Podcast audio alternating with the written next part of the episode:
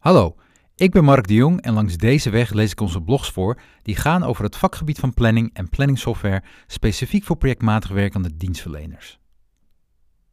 In deze aflevering gaan we kijken hoe je je projecten kunt onderverdelen in de planning. Daar gaan we. Het opsplitsen van je projecten. Vind met het opsplitsen van je projecten de balans tussen inzicht en werkbaarheid. Iedereen maakt de planning op zijn eigen manier. Plan je projecten als één groot blok of werk je met nette opgesplitste stukjes? Elke vorm van het opsplitsen van projecten heeft zijn voor- en nadelen. Hoe weet je welke methode het beste bij je bedrijf past? Dat is een vraag die we in deze blog gaan beantwoorden. Voor de herkenning beschrijven we als eerst een situatie. Daarna kijken we waarom je als bedrijf projecten zou opknippen. Vervolgens bekijken we hoe je jouw projecten kan opsplitsen. Laten we beginnen. Een voorbeeld. We kijken naar een installatiebedrijf. Een klant van hen laat een kantoorpand bouwen. Onze installateur mag alle elektra en het netwerk plaatsen. De planner besluit het project op te splitsen, waardoor hij optimaal grip heeft op de planning van de werkzaamheden. Hierdoor heeft het project wel bijna 100 activiteiten gekregen. Hij kan zo in detail zien wie waarmee bezig is en hoe ver elke activiteit is. Een wijziging. Net voordat de planner de planning van het project klaar heeft, krijgt hij een belletje van de klant. Er zijn met extra wensen en wijzigingen. Een andere leverancier is langer met zijn werkzaamheden bezig. Een vleugel van het gebouw is hierdoor nog een tijdje afgesloten. Ze vragen om de elektra daarom later aan te leggen. De planner moet nu bijna 100 activiteiten opnieuw plannen. Ook moet hij nog een keer de beschikbaarheid van de installateurs controleren. Voor- en nadelen. Als de installateur op locatie komt, weet hij meteen wat hij moet doen. Dit komt doordat de planning in detail door de planner is opgebouwd. Als de installateur de voortgang en de werkelijke besteden uren van een activiteit wil doorgeven, dan is er een probleem. Hij moet een bijna eindeloze lijst aan activiteitscodes doorlopen. Elke geplande activiteit heeft namelijk een eigen code. Het zijn er zoveel dat de collega veel tijd verliest en ook regelmatig een verkeerde code gebruikt. Door deze manier van plannen heeft de planner de details die hij nodig heeft om goed de uren te bewaken. Hij heeft grip op het project. Hierdoor kan de planner op tijd ingrijpen als medewerkers meer uren dan begroot verbruiken. Daarnaast kan de planner op de begroting reflecteren. Zo kan hij de volgende keer de begroting nog beter opzetten. De planning is alleen zo gedetailleerd dat door wijzigingen de planner veel tijd verliest door het doen van de aanpassingen. Hij moet namelijk alle activiteiten nalopen en kijken of ze nog haalbaar zijn. De installateur is daarnaast veel tijd kwijt aan het doorgeven van de voortgang en zijn werkelijk besteden uren. Weeg deze inspanning nu op tegen het verkregen inzicht. Drie redenen voor het opsplitsen van je project. We herkennen drie factoren die het detailniveau in een projectplanning bepalen. 1. Bewaken van het budget en de uren. Een reden om je project met activiteiten op te splitsen is om meer grip te krijgen. Een planner kan dan per activiteit uren begroten. Tijdens een draaien van het project kan men per activiteit de werkelijke uren doorgeven. Het kan zijn dat medewerkers meer uren dan begroot verbruiken. Is dat het geval, dan kan de planner tijdens de uitvoering van het project nog op de overbesteding inspelen. De planner kan het project ook niet opsplitsen. Hierdoor is het verschil tussen de begrote en werkelijke uren pas na het afronden van het project bekend. Het is hierdoor voor de planner te laat om op tijd op de overschrijding van de uren in te spelen. Leren van zijn fouten kan de planner dan ook niet meer. Een planner kan zonder het opsplitsen namelijk niet zien waar in het project te veel uren verbruikt zijn. 2.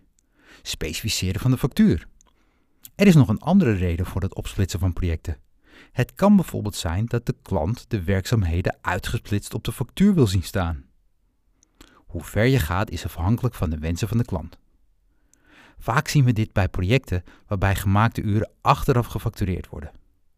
De klant wil dan weten waar de uren naartoe zijn gegaan. Is er een vaste prijs afgesproken, dan maakt het voor de klant vaak weinig uit. 3. Communicatie van de werkzaamheden. De laatste reden voor het opsplitsen van een project is dat medewerkers door de naam van de activiteit meteen weten wat ze moeten doen. Dit stroomlijnt het communicatieproces. Het geeft medewerkers ook inzicht in de opbouw van het project en hoe de activiteiten van elkaar afhankelijk zijn. Zo weten medewerkers van welke collega en van welke activiteit ze voor hun werk afhankelijk zijn. Dit helpt met de communicatie en de afstemming tussen collega's. Maar hoe dan? Hoe kan je het beste een project opsplitsen? We onderscheiden drie manieren. We bekijken ze van fijn tot grof. 1. Op activiteit. Je kan een project opsplitsen op activiteit. Met deze methode vertelt de naam van de activiteit welke werkzaamheden gedaan moeten worden. Voorbeelden van namen zijn bijvoorbeeld briefing, ontwerpen, ontwikkelen, testen, implementeren of ondersteunen. Deze methode van splitsen hangt vooral samen met bovenstaand punt 3, het uitsplitsen van projecten om werkzaamheden te communiceren. Met deze methode sla je twee vliegen in één klap. Je plant medewerkers in en communiceert direct wat ze moeten gaan doen. Dat scheelt tijd en moeite. Deze manier van opsplitsen van projecten past goed wanneer je planner veel inzicht wil hebben in de werkelijk verbruikte uren. Daarnaast past deze methode ook goed als je de medewerkers duidelijk moet maken wat ze precies voor een project moeten doen. 2. Op tussenresultaat. Het is daarnaast ook mogelijk om het project op tussenresultaat op te splitsen. Onderdelen van het project krijgen dan namen zoals werkplek 1, werkplek 2 enzovoort.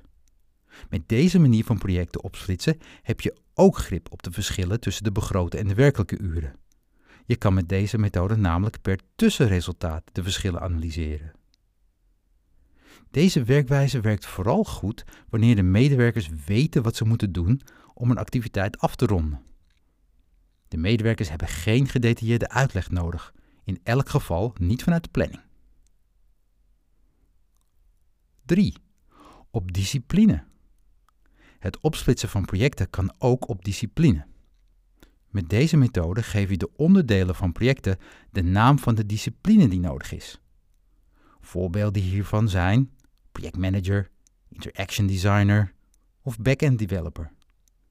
Met deze manier van splitsen kan een planner gemakkelijk de juiste medewerker koppelen aan de vaardigheden die nodig zijn. Er wordt vrij grof gepland en dit scheelt de planner ook tijd. Deze methode kan je het beste kiezen wanneer je organisatie met standaardprojecten werkt. Iedereen weet hoe een project uitgevoerd moet worden. Deze methode geeft namelijk minimale beheersing op verschillen tussen de verwachte en werkelijke uren. Wat in ieder geval wel kan, is per discipline de resultaten analyseren. Slotoverwegingen. We kunnen je geen gouden regel aanbieden. Hoe je je projecten gaat opsplitsen is van verschillende factoren afhankelijk.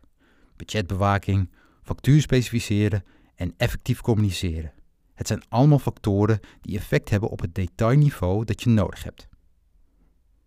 Het plannen van werk hoef je niet altijd op hetzelfde detailniveau te doen. Dit geldt ook voor het registreren van de voortgang en de werkelijke besteden uren. Je kan bijvoorbeeld op het niveau van discipline plannen, terwijl je de uren en de voortgang op activiteit registreert. Zo maak je het plannen weer een stukje makkelijker.